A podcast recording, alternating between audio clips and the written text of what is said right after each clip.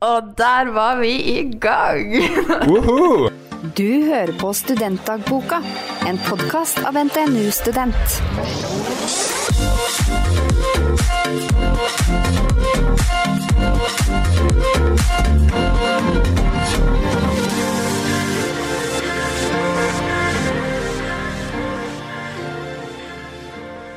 Hei og velkommen til episode to av Studentdagboka. I dagens episode så er det jeg, Elise, som går europastudie med statsvitenskap, sammen med Gaute, som går industriell økonomi og teknologiledelse i Trondheim, og Signe fra Gjøvik, som går interaksjonsdesign, som skal losje dere gjennom denne episoden, hvor vi skal snakke om ting vi skulle ønske vi visste før vi ble studenter.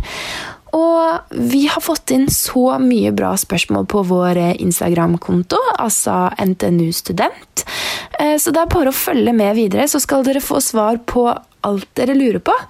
Men først så Velkommen til dere, Signe og Gaute. Takk for det.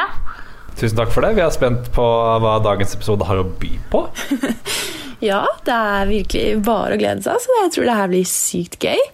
Eh, Men jeg tenker, kan ikke dere fortelle litt mer om dere selv og hva dere driver med?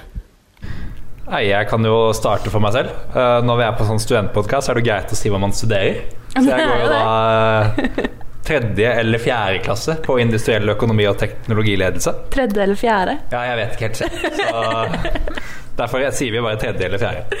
Ja, ok. Hva med deg, Signe? Hva er det du går egentlig? Jeg går da førsteåret master i interaksjonsdesign. NTNU Gjøvik. Var i Trondheim før, da, men nå er jeg i Gjøvik. Så jeg har flytta meg fra ett NTNU-campus til et annet. Hvordan syns du det er? Nei, det er jo litt annerledes. Jeg var jo på utveksling i London eh, i fjor, så flytte liksom London-Gjøvik var jo en liten overgang, kan man si. Men eh, det funker fint. Jeg er fornøyd med Gjøvik, jeg. Ja, men da har du jo faktisk flytta ganske mye på det. Men eh, kan du ikke si noe om f.eks. Gjøvik og Trondheim? da? Hva er forskjellen på de to som studentbyer? Nei, det, altså det er jo annerledes studiebyer i og med at eh, Gjøvik er en mindre by. Um, og så er jo jeg også masterstudent versus bachelorstudent, så jeg føler jo på en måte at jeg har mer oversikt over studiet nå når jeg er i Gjøvik enn det jeg hadde i Trondheim. Em, også fordi det er en annen by, så har jeg jo også bil her nede. Det hadde jeg jo aldri oppe i Trondheim. Um, så, og det er tydeligvis litt mer vanlig i Gjøvik da, at uh, studentene har bil. Ikke at det er kjempevanlig, men det er noen studenter som har bil. Og det er jo litt gøy da, å kunne farte litt rundt og på en måte se større deler av området enn bare byen. på en måte. Så jeg har jo ja, kjørt og vært og sett på forskjellige skoger, og det er jo masse skog i Gjøvik, og vært rundt Mjøsa og kjørt til Hamar og kosa meg, jeg. Det er mye å gjøre med Gjø- i Gjøvik, med andre ord. Masse å gjøre i Gjøvik. Kanskje det er dit vi skal flytte? Kanskje det er der jeg skal ta master? Ja, det syns jeg. Kanskje det. Ja. Altså, jeg er jo faktisk fra Hamar, så jeg er imponert over at du faktisk har tatt deg bryet med å kjøre dit. Ja. På den andre siden av Mjøsa. Ja, men altså, Det var på vei til Ikea, da, vet du, så jeg måtte jo, måtte jo til Ikea. Ja, ikke sant? Alle Gjøvik-studenter, Ikea på Hamar. Det er der det skjer. Men uh, dere, dette er jo en eh, episode der vi skal snakke om eh, ting vi skulle ønske vi visste før vi ble studenter. Og jeg vet jo med meg selv at jeg var veldig stressa. Jeg ante jo ikke noe om hvordan det var å skulle være student, hvordan det ville bli, med venner, skole, bolig, mat, penger, alt dette her. Eh, og det er jeg sikkert ikke alene om, men hvordan opplevde dere det før dere skulle begynne? Hva Kom dere rett fra videregående, liksom? Ja, så når jeg begynte å studere for første gang, så kom jeg jo rett fra videregående. Og det som var eh, Som jeg tenkte en del på, det var hvordan er det egentlig ting henger sammen. Altså, Mm. for Da må man styre sitt eget liv. Du må kjøpe mat selv, du må vaske selv, du må betale regningene selv. Ting som liksom foreldrene dine har gjort for deg by default. da Ja. Så uh, i starten så er det litt sånn tilvenning om uh, at man faktisk må sette av tid til å lage middag og vaske klær og sånn. ja. Men uh, det går seg veldig fort til. Mm. Ja, jeg også var jo Jeg flyttet jo inn med kjæresten min, så vi var jo i hvert fall to om det. Men eh, det var jo en overgang å bli kjent med noen på nytt. Og det kan jeg se for meg litt sånn hvis du bor i kollektiv også, med sånn vaskeregler og passe på at du ikke er den som står med alt ansvaret for en bolig, liksom. Med, ja. Jeg vet ikke, hva, Hvordan opplevde du det, Signe? Eh, nei, Jeg flytta jo også inn sammen med kjæresten, og det var jo en utfordring i seg selv. på en måte. Vi hadde jo vært sammen lenge, men det var jo fortsatt sånn hvordan Nå er vi plutselig blitt en husholdning, liksom. Hvem skal gjøre hva? og Nå ser vi hverandre hele tiden. Og de første månedene i Trondheim så hadde ikke han noe jobb, så han var hjemme hele tiden. Så det var sånn veldig rart å liksom ha han der konstant, da, fra å se hverandre annenhver helg, liksom. Um, så det var en utfordring jeg ikke helt hadde sett for meg. Også, men egentlig så fikk jeg en ganske fin, sånn rolig start på det. Fordi at uh, jeg hadde jo jobbår før jeg begynte å studere, og da bodde jeg i kjellerleiligheten hos pappa med eget kjøkken og bad og hele pakka. Mm. Um, og pappa reiste veldig mye og sånn, da, så da fikk jeg jo på en måte øvd meg litt på å bo aleine uten at jeg faktisk bodde aleine. Jeg kunne bare gå opp til kjøleskapet i andre etasje hvis jeg hadde glemt å kjøpe noe, liksom. Men det var sånn liten øvelse da på å bo aleine før jeg før jeg flytta ut. Ja, ja.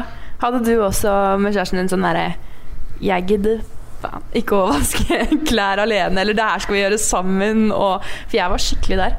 Jeg var sånn Ja. Man kan jo ikke gjøre det i kollektiv, da, for da er man, er man jo ansvarlig for sine egne ting, liksom. Men jeg var sånn Jeg hater å vaske, jeg hater å vaske klær, jeg hater å gjøre alt, jeg hater å lage mat. Vi får gjøre det sammen, hvis ikke så gidder ikke jeg. da sitter jeg bare på bakbeina, Mm. liksom.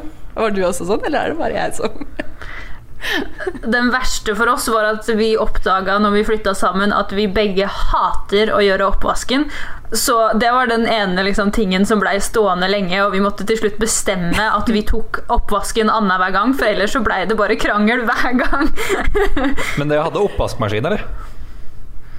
Nei, vi hadde ikke oppvaskmaskin. Det var skikkelig irriterende, faktisk. De, de bygde om alle boligene på Moholt det året vi flytta ut. Så når vi flytta ut, så fikk vi beskjed om at vi ikke trengte å vaske leiligheten, da, for de skulle opp, pusse opp hele, hele området og gi dem oppvaskmaskin og sånn. Og vi bare mm, Det skulle jo vi hatt, liksom!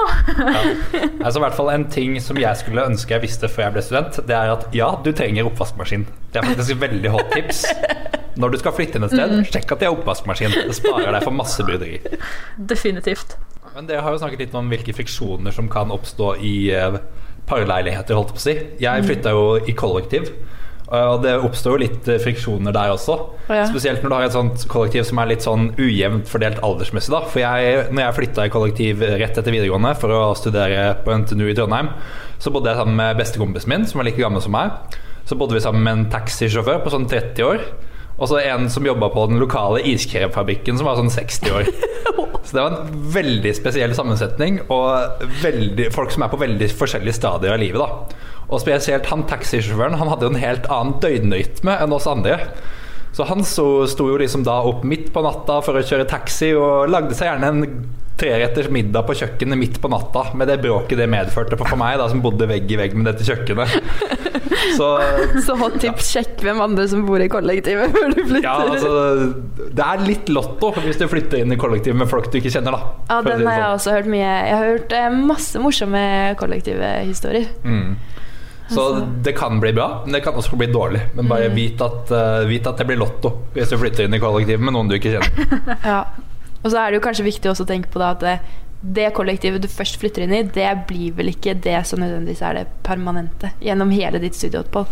Nei, det er sant. Jeg fant fant meg et annet kollektiv litt senere, der lottotrekninga gikk litt bedre for mitt vedkommende, for å si det sånn. Jeg tror det er viktig å faktisk se på at ja, at man har alternativer. Da. Det, du kan jo bo i studentby, du kan jo leie privat. I studentby så er det vel kanskje enda litt mer lotto, for der er det jo bygd opp av kollektiver og Jeg vet ikke med dere, men har dere sett de der leilighetene på Moholt, de nye byggene? Mm, Kusina mi bodde der. Ja, jeg er litt eh, fascinert over de mm. høye blokkene på Moholt, der det bor 16 stykker i samme etasje som deler eh, kjøkken. Det er et spennende sosialt eksperiment. Hvordan syns hun det var? Eh, hun er hypersosial, da, kusina mi, så hun syntes det var veldig gøy og fikk jo mye venner. og sånn der. Men eh, det som er litt morsomt er at de byggene er jo bygd av tre og er sånn nymoderne bygg. Eh, og hun bodde nesten helt øverst, og hun sa at det var liksom sånn noen dager i året hvor det blåste så mye i Trondheim at hun kjente at liksom bygget svaia litt når hun lå i senga. Og hun bare OK! Wow. Jeg leier jo på sitt, gjennom sitt. Og det er, men jeg bor i parleilighet, altså det er jo med en annen. Og det funker jo veldig bra. Det, kan, det kunne jo sikkert gjort det med en venn også. Men du har jo ett soverom, da, så jeg vet ikke hvor gøy det er. Da må være gode venner. veldig gode venner. Um, og så har man jo privat. Du bor jo privat, i hvert fall. Ja, jeg har aldri bodd i noen sittgreier. Så Nei. jeg har alltid henvendt meg til det private markedet, for da får jeg bo sånn geografisk nøyaktig der jeg vil. Men hvordan har det vært økonomisk? Økonomisk sett så har det vært helt overkommelig. Jeg vet ærlig talt ikke hva en sittleilighet koster, men uh, jeg Nei. betalte 4000 i måneden når jeg bodde med han taxisjåføren og han eh, fabrikkarbeideren. Og så betalte jeg vel 5005 i det neste kollektivet, som var ganske sentralt på Møllenberg. Ja, for det vet jeg vi har fått masse spørsmål om, uh, om studentøkonomi. Eh, og jeg bor jo i en sittleilighet. Det er billigere enn det private, i hvert fall det meste som er privat. For det er, jeg betaler 4007, og da, det er leie, strøm, internett, alt. Ikke noe mer enn det, liksom. Mens du, har jo, du har jo bare 8200 å leve på hvis du bare skal leve på lån og stipend. Og det er mange som lurer på hvordan klarer man seg på bare det, hvis du ikke har jobb ved siden av. Har dere noen gode tips til? Nei, for jeg har jobb ved siden av. ja, ikke sant? Jeg betaler jo 6000 i måneden her hvor jeg bor, eh, og det er en leilighet på, med to, to soverom, da, så vi deler. Men til gjengjeld så er jeg også et steinkast fra NTNU i Gjøvik. Det er liksom rett opp i bakken. Jeg kan nesten se campus fra døra, liksom. Eh, Så det er jo det dyreste stedet å bo i Gjøvik, her hvor jeg bor nå. Men jeg trives veldig godt med å ha jobb ved siden av studiet. Jeg syns det er, tid til det, og jeg syns også at det er mange gode jobber som tillater på en måte eh, å være en bra del av studenttilværelsen. At man liksom har fleksible arbeidstider og på en måte sånne type ting. Så det er jo noe man kan vurdere allerede fra første året, om man ønsker en jobb eller ikke. Ja. Jeg har opplevd begge deler. Jeg har jo både levd på både bare lån og stipend, og jeg har jobba, og det er forskjell. Det er ganske stor forskjell å ha liksom de 2000 ekstra i måneden uansett. Da har du ikke verdens største jobb, men de 2000 kronene hjelper mye, for å si det sånn. Hvordan hvordan ser middagsmenyen din ut eh, med eh, jobb kontra uten jobb, da? Nei, vet du hva, den er ikke så forskjellig. Den er ikke det. Den er det er ikke andre det. steder du sparer. Med mindre sminke. Jeg, Nei. Syns du jeg bruker mye sminke? Typisk, typisk generaliserende jenteting å spare. Nei, jeg bruker eh, veldig lite penger på eh, kosmetikk. Men eh, jeg er veldig glad i mat, da.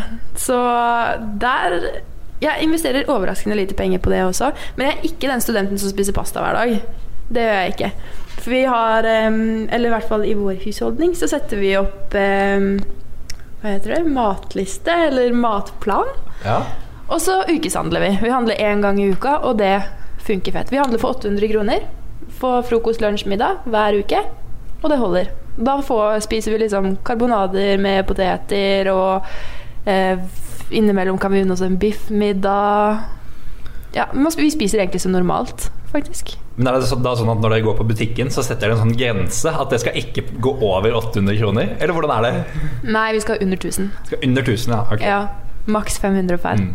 Og så er det jo noen ganger hvor vi trenger litt sånn ekstra ting. Da, hvor vi handler inn alt det essensielle hvis du skal ha mel eller de tingene der. Mm. Liksom i starten av semesteret. Fordi da har du jo det ganske lenge. Og så bruker du på en måte da mellom 1200 og 1500 én gang. Hvis du det her er på to personer, da. Eh, og så holder du det da gående, og så er det jo en uke du ikke har fått brukt alle matvarene dine, og så lager du matplaner da ut ifra hva du allerede har. Da blir det 800 kroner. Det funker som bare rakkeren. Men uh, ha, har dere fryser, egentlig? Vi har en bitte liten Det ser ut som en mikrofryser. Den er sånn bitte liten. Vi har litt. Ja, for det, det er også sånn life hack som jeg har opplevd, at det er greit å ha fryser. Ja. Da kan du kjøpe Grandis når det er på tilbud, eller du kan kjøpe brød når det er på tilbud. Bare stakke fryseren full. Ja, det er veldig sant. Så fryser og oppvaskmaskin, det må man ha. Ja. Det må man ha. Jeg syns fryser det er definitivt det jeg liker å bruke. Jeg kjøper jo sånn svære pakker med kylling og sånn, og så fryser jeg dem ned. Enten så kjøper jeg liksom fersk kylling holdt jeg på å si, og fryser det ned hvis det, det er på tilbud, eller sånn ferdig frosset. Og det, spesielt når man bor aleine, så det er jo ingenting som er liksom énpersonspakker med ting. Nei. Så um, fryser er, er veldig digg. Så jeg har jo gått fra å ha sånn bitte liten mikrofryser, som du kalte det, Lise, til å ha to skuffer for meg sjøl. Og nå er jeg sånn åh, jeg har to hele skuffer å bruke! Det er så deilig. ja, men det er det. Det er så digg å bare ha sånn Du vet at nå er det noe som holder på å gå ut på dato, og så kan man jo egentlig bare ta det i frisøren, og så holder det seg lenger. Det funker jo fett. Eller gå på sånn Jeg vet at det er mange, jeg har en kompis. Han går eh, Hver mandag så stikker han på Rema på Buran, for da vet han at de legger ut eh, nedsatt priser på matvarer. Og så bare rider han den. og han spiser altså ribbe og Altså, han har så latterlige middager. At det er sånn wow. Så det er også et veldig bra trips. Og så er noen som driver med dumpster diving. Det var litt gøy. Skal vi forklare hva dumpster diving er for noe, Lise? Du som høres ut som en ekspert på dette her. Jeg har ikke mye selv, da. Nei. Nei, det er basically at du hopper opp i matkonteinerne til eh, matvarebutikkene, da, og finner mat som ikke er råttent, si. Ja, men eh, vær, vær så snill, finn deg en container som er åpen. Ikke bryt deg inn i noe, ikke gjør noe ulovlig. Nei, ikke gjør det. Please. Men ja, det er en trend. Hvis dere googler dumpster diving, så finner dere mye rart. Har du gjort det før? Nei, men jeg, jeg kjenner til konseptet. Ja. Har du, Signe? Nei, jeg er altfor good i turshus for å prøve meg på noe sånt. Men eh, vi snakket jo om i stad at eh, jeg sa litt på kødd at ja, du har sikkert en 800 kroners eh, upper limit for å dra på butikken. Ja. Jeg har en litt sånn annen konkurranse som jeg kjører med meg selv når jeg drar på butikken. Okay. Og det handler om å, at det er færrest, nei, flest mulig dager mellom hver butikktur. Oi! Så jeg prøver liksom Same. å Jeg liker ikke å det å handle mat, Nei, så jeg prøver å gjøre det så sjeldent som mulig. Så som regel så går det sånn åtte, ni, ti dager mellom hver gang jeg er på butikken. Det er imponerende, faktisk. Det er veldig Men det gjør jo at man får en sånn ekstra challenge når man er hjemme òg. Så det er sånn OK, jeg har en pakke med ris og et eple og tre brødskiver. Hvordan skal jeg lage dette til en middag? Akkurat det. Ja, men sånn holder vi også på. Det er liksom sånn at du bruker opp alt før du går på butikken. Ja, Så vi ukeshandler ikke hvis vi allerede hvis vi har tre middager. Nei, nei. Det Det, det liksom. det er jo kjempebra for miljøet også, for da blir det mye mindre matsvinn når du faktisk spiser det sure eplet og den risen og lager en middag ut av det, i stedet for å Jeg går og handler noe nytt, mye diggere. Her kommer det kunnskap for en bedre verden. Ja, ikke sant? Det er noen som forhåpentligvis catcher den. Men dere, vi har jo en fast spalte på Instagram. Og denne gangen så har jeg lagt ut spørsmål eh, hvor Eller som handler om da ting jeg skulle ønske jeg visste før jeg ble student, eller hva andre skulle ønske de visste før de ble student. Og vi har fått inn så mye bra. Vi har snakket en del om økonomi, og det har vi fått inn masse spørsmål om. Og så har vi jo f.eks. hvordan livet er som student. Hvordan er, syns dere livet som student er? Jeg syns generelt livet som student er eh, veldig fritt. At du kan eh, Du er jo din egen sjef. Du bestemmer selv når du står opp. Du bestemmer selv om du har lyst til å gjøre den obligatoriske innleveringen, eller om du heller vil ta en treningsøkt. Så det er helt uh, fantastisk nice at man kan være 100% sjef i eget liv, da. Enig. Jeg også føler det veldig sånn. Mm. Du styrer jo absolutt alt av arbeidet du gjør. Og det også var det mange som lurte på hvordan Altså hvordan det var og, Altså overgangen fra da videregående til universitetet, da, og det å styre sin egen hverdag. Eh, og jeg føler jo at eh, videregående kan jo ikke sammenlignes med universitetet i det hele tatt. Du går jo ikke på skolen og har undervisning fra en lærer hvor du blir opp... Altså, hva er det heter da? Eh, Det er ingen som fører fravær på deg, i hvert fall. Nei, det er ikke det, og det er ingen som har oppfølging. Det er ingen som driver oppfølging på deg. Det er ting du må gjøre selv. Eh, det er kanskje litt forskjell da, fra når det kommer til klasser. Du går jo Ja, det vil jo være veldig stor forskjell på det fra studie til studie. Jeg Ja. håper jo at de som studerer medisin f.eks. får en god del oppfølging. Det er sant. Mitt studie får du ikke oppfølging. Der går det i forelesning. Du får pensum du må lese, og så må du lære deg det, og så har du oppgaver og eksamen. Ja, altså, jeg har jo studert litt forskjellige studier. Mm. eh, Og jeg vil i hvert fall si at når jeg studerte eh, årsstudium i tysk, og vi var sånn 20 stykker i klassa, Ja. da fikk vi ganske tett oppfølging for at vi skulle bli best mulig i tysk. Ja. Liksom Lærerne visste hva vi het og eh, brydde seg om oss og sånn.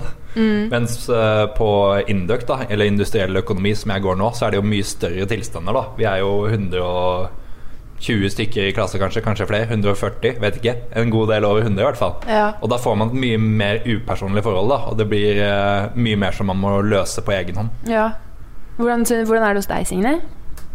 Eh, nei, jeg er jo egentlig en veldig strukturert person, så jeg liker jo å ha litt den eh, friheten. Men eh, en ting som overraska meg når jeg starta, var at jeg trodde på en måte at de dagene hvor jeg hadde forelesning, var de dagene som kom til å være på en måte mest rolig, da, fordi at de er strukturert. De er mer som på videregående, at man kanskje har to-tre forelesninger man skal på den dagen, og så er det det som er dagen din. Men det er faktisk de dagene jeg blir mest stressa, fordi at på forelesning så prater man ofte om liksom, teori man skal kunne, eller oppgaver man skal kunne, eh, og så eh, har man ikke tiden da, til å faktisk begynne på de oppgavene som blir diskutert i forelesningen den dagen. Så f.eks. det semesteret her så har jeg tre forelesninger hver eneste mandag. Så på slutten av mandagen så er jeg sånn Fy fader, det er så sykt mye jeg må gjøre denne uka her, liksom. Og så er jeg kjempestressa, og så har jeg hele tirsdagen fri. Og det er egentlig veldig deilig, for da kan jeg strukturere tirsdagen min etter hva som på en måte stressa meg på mandag, da. Ja.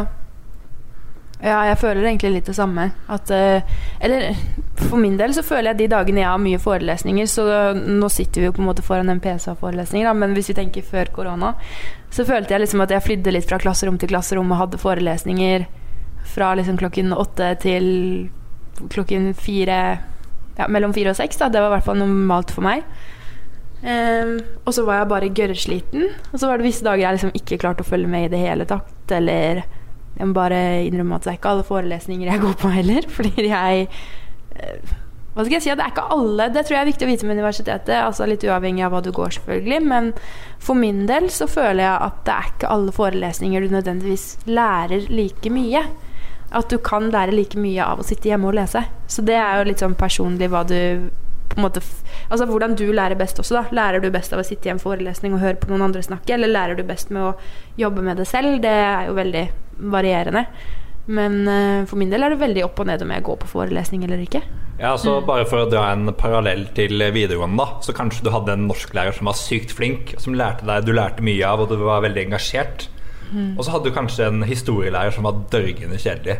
Det som er fint med universitetet, er jo at det er jo eh, som regel ikke oppmøteplikt i det vi kaller forelesninger, som basically er en undervisningstime. Eh, så da kan du jo dra i forelesningen til denne engasjerende norsklæreren og så kan du faktisk droppe å dra i forelesningen til historielæreren og heller eh, lese deg opp på egen hånd. Lese pensumboka eller finne noen kule YouTube-videoer eller noe tilsvarende. Mm. Så i hvert fall for min del så var det en litt sånn aha-opplevelse at man trenger faktisk ikke å gå på forelesning. Nei. For i hvert fall det første semesteret da jeg studerte Induc, da, som var litt sånn krevende realfagsmessig og sånn, så hadde vi et fag som het uh, diskré matematikk. Jeg, satt, uh, jeg møtte opp på hver eneste forelesning. Satt der, skjønte nesten ingenting. Uh, og jeg var på hver eneste forelesning, og så gikk det ganske ræva i det faget. Mm. Så jeg hadde hatt mye bedre utbytte av å lese meg opp på egen hånd, for uh, jeg fikk ikke noe ut av å være i akkurat de forelesningene. Nei, Man kaster jo på en måte bort ganske mye tid ved å sitte i en forelesning der du ikke skjønner noen ting, enn å jobbe med det selv, mm. og at du kanskje skjønner det.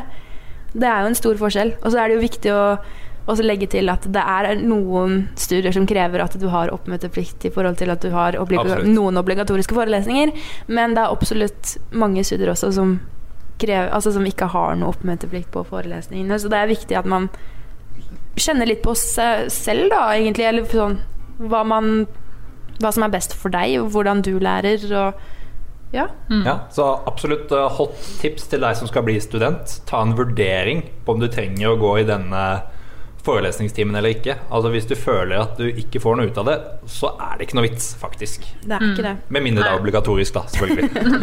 ja, nei, jeg er helt enig. Og en annen sånn strategi man kan bruke der, er um, Altså Det spørs veldig på hva slags studie man går, men på bacheloren min på medievitenskap f.eks., så var det jo ofte at vi skrev eksamensoppgaver opp mot ett spesifikt tema, eh, hvor vi kunne velge litt selv. Da, velge og vrake på en måte det temaet vi syntes var mest interessant. Det kunne vi skrive enten semesteroppgave om eller hjemmeeksamen om.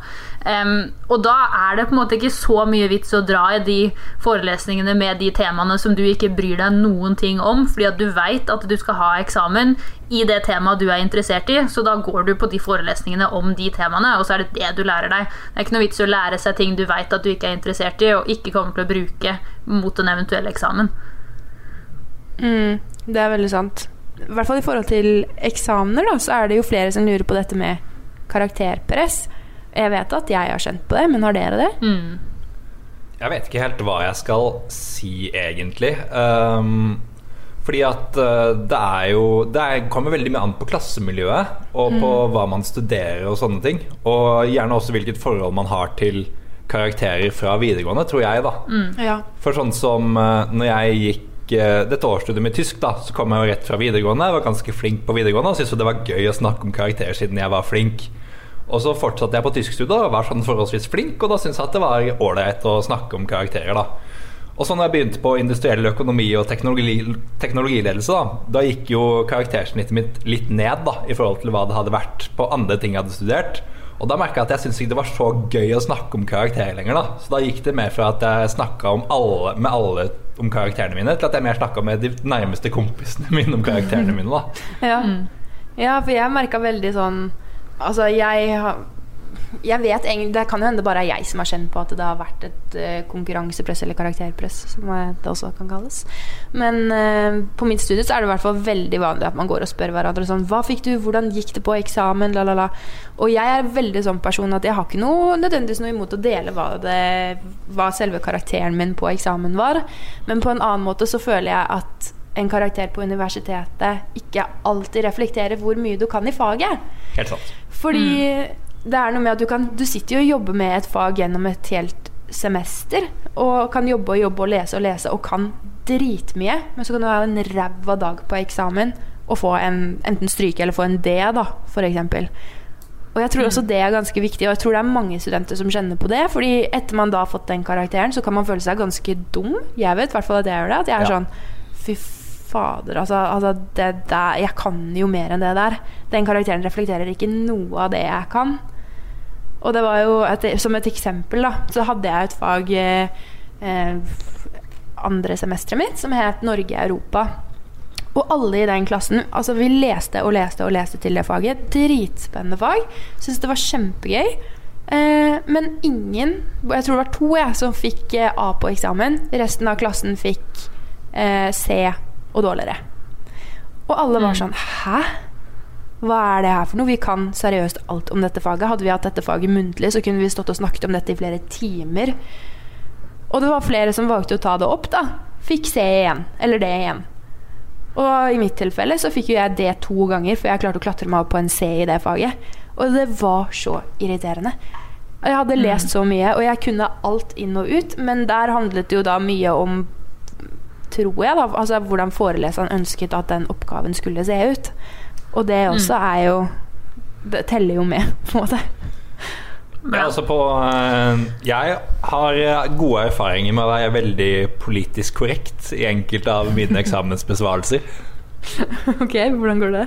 Nei, altså det Jeg kommer ikke på noe konkret eksempel, da, men altså hvert fall hvis vi har hatt om f.eks. Uh, kjønnskvotering, da, og uh, læreren har vært en dame, så kan det jo lønne seg å si at ja, vi må kjempe for uh, kjønnskvotering og sånn. Ja. du er taktisk smart. Ja, ja. Veldig taktisk. Nei, men jeg synes eh, det Et bra poeng du hadde der, Elise, er i forhold til på en måte hva slags karakterer andre folk eh, har i klassen. En ting som overraska meg på NTNU, er jo at eh, vi har jo eh, statistikk. Vi ser jo hva slags karakterer andre i klassen har fått. Det står liksom tre personer har fått A, elleve har fått B, liksom bla, bla, bla. Em, Og da får man jo Da vet man jo liksom hva snittet er, og så føler man jo at man i hvert fall burde ligge på snittet, liksom. Um, og da er det veldig kjipt sånn Jeg hadde et fag i fjor hvor jeg tror åtte stykker i klassen fikk A, nesten alle andre fikk B, og så var det de tre stykkene som var meg og gruppa mi, var de eneste som fikk C. Og da var det sånn Ok, vi vet at vi er de dårligste i klassen, ikke at C er noe dårlig, men det var skikkelig kjipt å liksom ha sånn statistikk på at ja, nei, det er vår gruppe som fikk den dårligste karakteren i det faget, liksom. Good to know.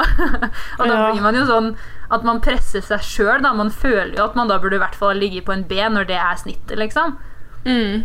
Ja, det er ikke noe gøy når den der snittkarakteren kommer, og du bare Fader, nei. Nei. Men jeg tenker også altså når, Akkurat når det kommer til karakterpress, da, så tror jeg det er viktig at du faktisk er Altså holder litt tilbake. Alle trenger ikke å vite den karakteren du har fått. Og ingen, det er ingen som vet på en måte bedre enn deg selv hva du kan, og hva du klarer å yte i enten et fag eller i, et ar i arbeidslivet kan jo hende du på en måte ikke har gjort det så bra i Altså meg, da. Norge i Europa, men har kjempelyst til å jobbe i EU-delegasjonen, eller Norges EU-delegasjon, f.eks. Og så kan du egentlig sinnssykt masse. Og så er det litt sånn Den D-en reflekterer jo ikke på en måte hva du kan, eller hva du på en måte kunne vist på et jobbintervju, f.eks. Nei, og så eh, får jo ikke eksamen målt alle dine ferdigheter heller. Det kan jo hende at du er en powerpoint-gud, og at noen i næringslivet absolutt trenger det. Men eh, en fire timers skriftlig eksamen i Norge og Europa, det klarer ikke å få frem det at du er en powerpoint-gud, Elise. Det gjør jo ikke det. Nei, ikke sant? Nei. For å gå litt videre, da, så har jeg et nytt spørsmål her. At det er jo litt bort fra eksamen, men det er en som lurer på at det er greit å velge feil studie, altså. Og at det er fåtallet som starter rett etter VGS. Mm. Eh, og det vil jeg jo påstå er riktig. At det er greit å velge feil, eller at det er et fåtall som starter etter VGS? Jeg startet ikke etter VG, rett etter VGS. Nei, ikke heller. Jeg hadde et jobbår imellom, og så Jeg er jo veldig heldig da, og har ikke følt at jeg har gått feil, men jeg kjenner jo mange som har byttet studie midt i, liksom. Som er sånn Nei, dette her er ikke noe for meg. Nå søker jeg på dette stedet, liksom. Mm.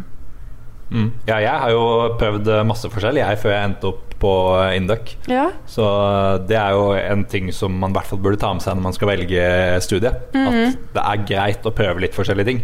ja. Hvis du har lyst til å gå et år på tysk, så gjør nå det. Hvis du har lyst til å begynne på økonomi og finne ut at det var feil, så gjør nå det. Det har i hvert fall jeg gjort, begge de greiene. Ja, det er, liksom, det er ikke farlig å velge feil, og det er viktig å ikke tenke på For jeg tror det er veldig mange som tenker på det å velge feil og Lånekassen i forhold til Ja. penger, da. Ja, Og det tror jeg man må se litt bort fra. Ja altså man, man vil jo få bitte litt mindre i stipend, så vidt jeg har skjønt, hvis du eh, starter på en master og ikke fullfører den masteren. Men ikke la de skarve tusenlappene hindre deg, da. For de må du ikke betale før du er 45 uansett. Ja. Nei, og så tror jeg en ting som kan være veldig beroligende, er det, dette med breddeår. Um, som jeg ante ikke at det eksisterte engang før jeg begynte på NTNU. Visste ikke hva det var for noe. Um, men det er i hvert fall veldig vanlig på studiene på Dragvoll spesielt da, at eh, en bachelor egentlig bare er to år. F.eks. medievitenskap er bare to år, men så har du andreåret ditt er helt åpent, hvor du kan velge fag selv. Uh, så la oss si at du har gått økonomi og administrasjon førsteåret, og så finner du at nei, det er egentlig ikke riktig for meg i det hele tatt, og så søker du deg inn på sosiologi f.eks. Da kan du få de fagene godkjent som breddeåret ditt, og så har du da plutselig bare to år igjen av bacheloren, og da har du jo fullført en treårig bachelor, og det er godkjent fra Lånekassa fordi at de fagene er godkjent inni i bacheloren din. Em, Så det tror jeg kan være veldig betryggende da, for folk som syns det er skummelt å velge feil. Så kan du jo fortsatt få bruk for de fagene, både i forhold til en bachelor og i forhold til å bare vise det til eh, en potensiell arbeidsgiver. Da, at se, jeg har tatt de fagene her utenom en grad, men de er fortsatt relevante. på en måte. Ja, det er bra du sier, for det tror jeg det er mange som ikke vet at det faktisk går an. Ja, det er en lignende greie på eh, Campus Gløshaugen også. På de som er, skal bli sivilingeniører. Så er det sånn at man har en del grunnleggende fag felles. da. Man har liksom matte 1, 2, 3, 4. Man har eh, grunnkurs i programmering, man har X-Fill og man har litt fysikk. Og veldig mye av det er felles for de ulike sivilingeniørretningene. da. Så hvis man f.eks. begynner på datateknologi og finner ut at nei, jeg har mer lyst til å studere kommunikasjonsteknologi, så er det ikke så mange, mange fag i forskjell, og så er det, går det ganske greit å bytte. Hvis, hvis man finner ut at det er feil. Ja, og det er jo også sånn Jeg har en venninne som går interaksjonsdesign sammen med meg, og hun har en litt morsom sammensetning, for hun har gått master eh, Hun går jo nå master i interaksjonsdesign, og så har hun gått bachelor i grafisk design, som jo er en veldig vanlig sammensetning. Men før det så begynte hun på markedsføring på BI, så når hun drev og søkte sommerjobber og sånn nå, så var det noe hun prata om på intervju, at selv om jeg liksom er en grafisk designer og interaksjonsdesigner og har holdt meg veldig til det feltet de siste fire årene, så har jeg faktisk markedsføringserfaring fra BI, og det å på en måte ha erfaring fra et annet felt gjør deg egentlig veldig attraktiv da, i arbeidsmarkedet. Så hun fikk jo masse intervjuer og greier basert på, basert på hennes søknad. Altså Det kan jo absolutt gi en eh, edge, det. Altså, jeg har jo flere ganger fått bruk for den uh, tyskkompetansen som jeg fikk fra det årsstudiet med mitt i tysk. Jeg fikk jo bl.a. Uh, utenlandsstilling i førstegangstjenesten fordi jeg da kunne tysk. Så det er aldri, som regel aldri forgjeves å studere noe i det hele tatt. Nei, ikke sant. Skal vi se videre her, da. Denne her er egentlig ganske fin til deg, Gaute. Til meg Ja, jeg vet at du har litt erfaring. Eh, hvordan er det i fadderuka om man ikke drikker? oh, Der traff du. Nei, jeg har jo aldri drukket en eh, pils eller en vin eller noe som helst i hele mitt liv. Jeg er helt avholds. Ikke jeg heller. Ikke du heller, Signe. Ah, det er jo helt perfekt. Dynamic duo. Nei, og så har jo jeg også da studert uh, fire forskjellige ting, så jeg har jo vært med på fire-fem fadderuker også. Så jeg har ganske god erfaring, eller lang erfaring med akkurat de greiene der, da. Ja. Og jeg kan jo fortelle litt om mitt approach først, og så kan Signe sikkert få fortelle litt om sitt etterpå. Kjør på. Uh, Men i hvert fall, jeg er i hvert fall den personen som syns det er god stemning at det drikkes litt. da Så jeg pleier jo liksom å være med på festen og gjerne drikke vann eller Red Bull eller Cola når det er drikkeleker. Og liksom, altså, selv om jeg ikke syns det å drikke øl er noe digg, eller jeg vet ikke om det er digg, aldri drukket det, men så syns jeg at andre skal få lov til å kose seg, og jeg merker jo at det er en generell eh, at det generelt blir bedre stemning når folk får seg pils. For mange trenger en pils for å komme i gang. Så jeg trives veldig godt med at det drikkes rundt meg, for da merker jeg liksom at stemninga går i taket. Og så skrur jeg liksom på min egen stemningsbryter, sånn at jeg også følger den stemninga. Så bare vær med på å ha det gøy, og nesten lat som du er full, basically. Bra tips. Nei, men Det er jeg helt enig i. Eh, og så tror jeg det er noe med at man må på en måte Når man tar det valget, da, så må man være klar over sine egne grenser. Sånn for, for min del Så jeg syns det var dritkult å være med på vors i fadderuka. Liksom, koste meg veldig med det. Men når folk skulle på Samfunnet, og klokka liksom begynte å bli to, så var det sånn Ok, nå veit jeg at jeg ikke kommer til å kose meg der. Jeg kommer bare til å sitte der og drømme om senga mi, liksom. Så da stikker jeg nå, og så får dere kose dere, liksom. Um, og det å ha på en måte de grensene tror jeg er veldig fint. Uh, også i hvert fall for meg, etter hvert som jeg ble kjent med folk og på en måte utover i eh, studieperioden, da, så er egentlig folk veldig respektfulle og syns det er helt greit. Eh, og gjerne spør også. Så det å være åpen for spørsmål og sånne ting eh, må man jo være, da, for å kunne svare på det folk lurer på. Sånn, noen tror jo at fordi at man ikke drikker, så bare hater man alkohol og vil aldri være sammen med noen som, som drikker noe. Um, så man må ofte forklare litt, men uh, det er jo helt greit. Men jeg tenker sånn, skal vi gå over til det nye, eller nye og nye Um, Litt tips og triks, egentlig. Tips Vi har jo snakket om mye i denne episoden her. Og kanskje vi skal oppsummere litt hva deres beste tips eller triks er. Eller hva, det er, altså hva de beste tipsene er for de som skal begynne som student, da, kanskje. Ja. Jeg har jo vært eh, litt inne på det før i episoden. Du burde Ja. velge deg et sted der det er fryser, og der det er oppvaskmaskin. Og så Du blir ikke kvitt den der fryseren og oppvaskmaskinen. Nei, og så er jo jeg veldig fan av å leie bolig på det private markedet. Men hvis du skal leie bolig på det private markedet, pass på at du får en ordentlig kontrakt som kan sies opp med tre måneders oppsigelsestid og sånne ting. At man har en depositumskonto. Få mamma og pappa til å se gjennom kontrakten, sånn at det liksom blir under ordnede forhold. da Og et annet tips hvis man skal søke bolig på det private markedet, det er liksom at hvis man drar på visning i starten av juli, og hvis man vet at man skal inn i Trondheim, Ja. så får man være basically alene på visning. da For de fleste venter med å ordne seg bolig på det private markedet, altså leie hos vanlige folk. De venter til 15. juli da når de har fått svar fra Samordna opptak. Så hvis du ordner deg bolig før det, hvis du vet du skal i Trondheim, så har du mye større valgfrihet. da Mye mindre konkurranse om boligene. Det er et lurt tips. Og så vil jeg også si det at hvis du ikke har realfag fra videregående, så må du faktisk ikke ta det opp på Sonans eller Akademia eller sånne ting. Vi har faktisk noen gode løsninger på NTNU. Hvis du mangler R1, R2 og fysikk, så kan du ta realfagskurs. Hvis du mangler generell studiekompetanse, har fagbrev, så kan du gå forkurs. Og så har vi også noe som heter tresemesterordningen, da, som er eh, i Gjøvik og Ålesund. For de som har eh, For de som ikke har realfag fra videregående, men har generell studiekompetanse. Er det ikke sånn det er, Signe? Stemmer. Yes. Så bare google tresemesterordningen hvis du ikke har realfag, så kan du faktisk bli ingeniør, eh, du også. Og så bare helt uh, avslutningsvis fra min side, av de tipsene som jeg har notert meg, så snakket vi jo litt om karakterer i stad. Så jeg vil bare minne dere om at det er ikke sikkert at dere klarer å opprettholde karakternivået deres da, når dere kommer på universitetet, for det er en et helt nytt fagfelt. Det er helt nye vurderingsmåter og sånn, da.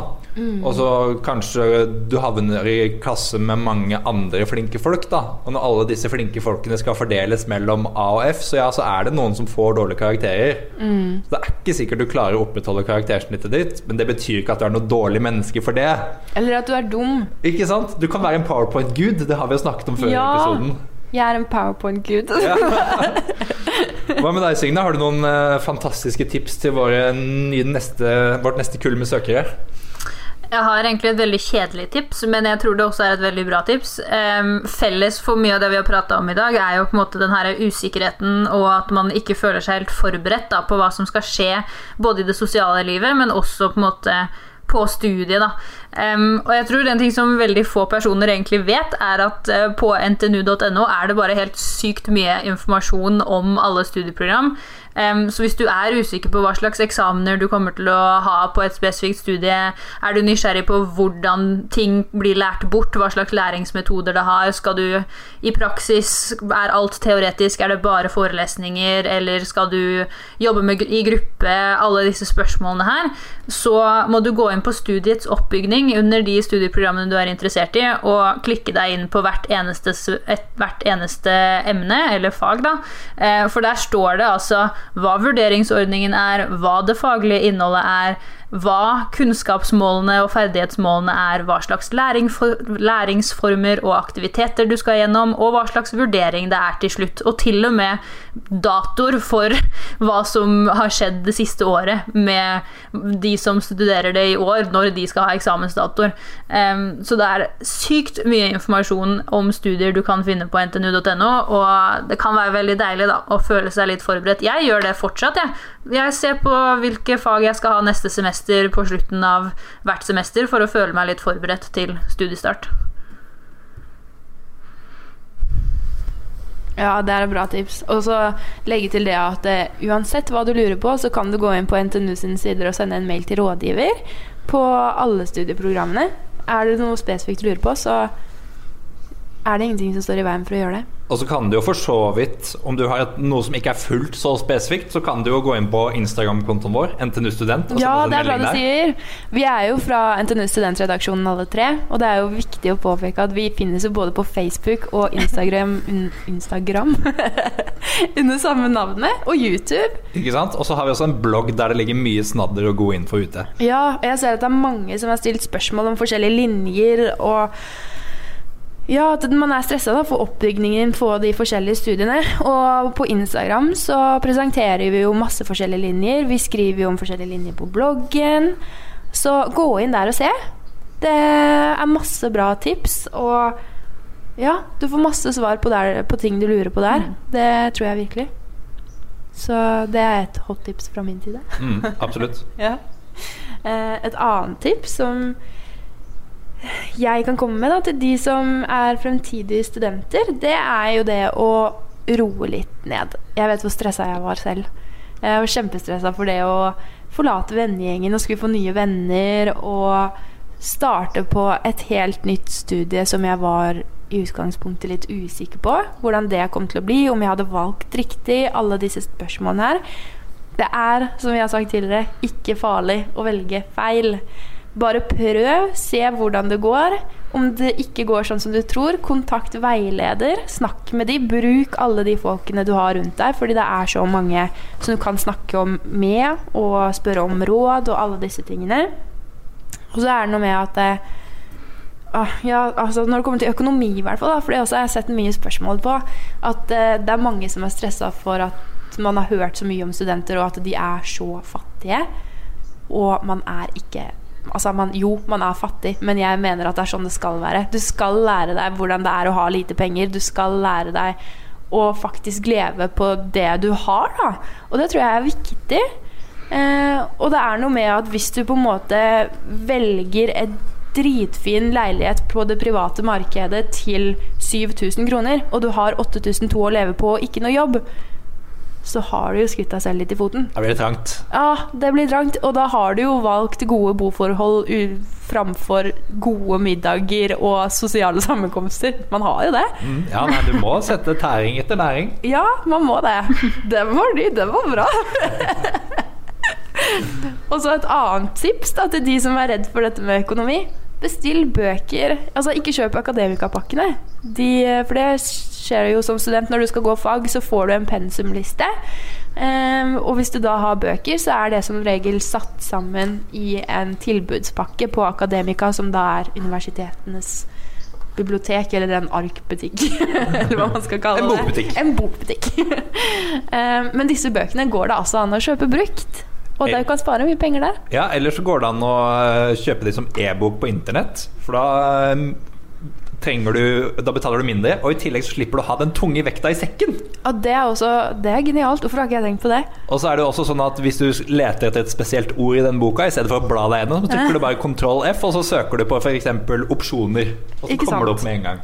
Det er faktisk mye lurere. Jeg har hatt noen av de, jeg også, og det er deilig, altså. Det er Mm. dritdeilig. Um, så det er egentlig mine beste Mm. tips til de nye studentene. Ro ned, kjøp billige bøker. Ikke bo for dyrt. så ordner ting seg. Mm, Det ordner seg, rett og slett. Det gjør det. Alt ordner seg. Det er, pappa sier alltid det at alt har en lei tendens til å ordne seg. Så vi hører på han, og så regner vi med at det går bra. Men takk for at dere ville være med på episoden i dag, da, dere.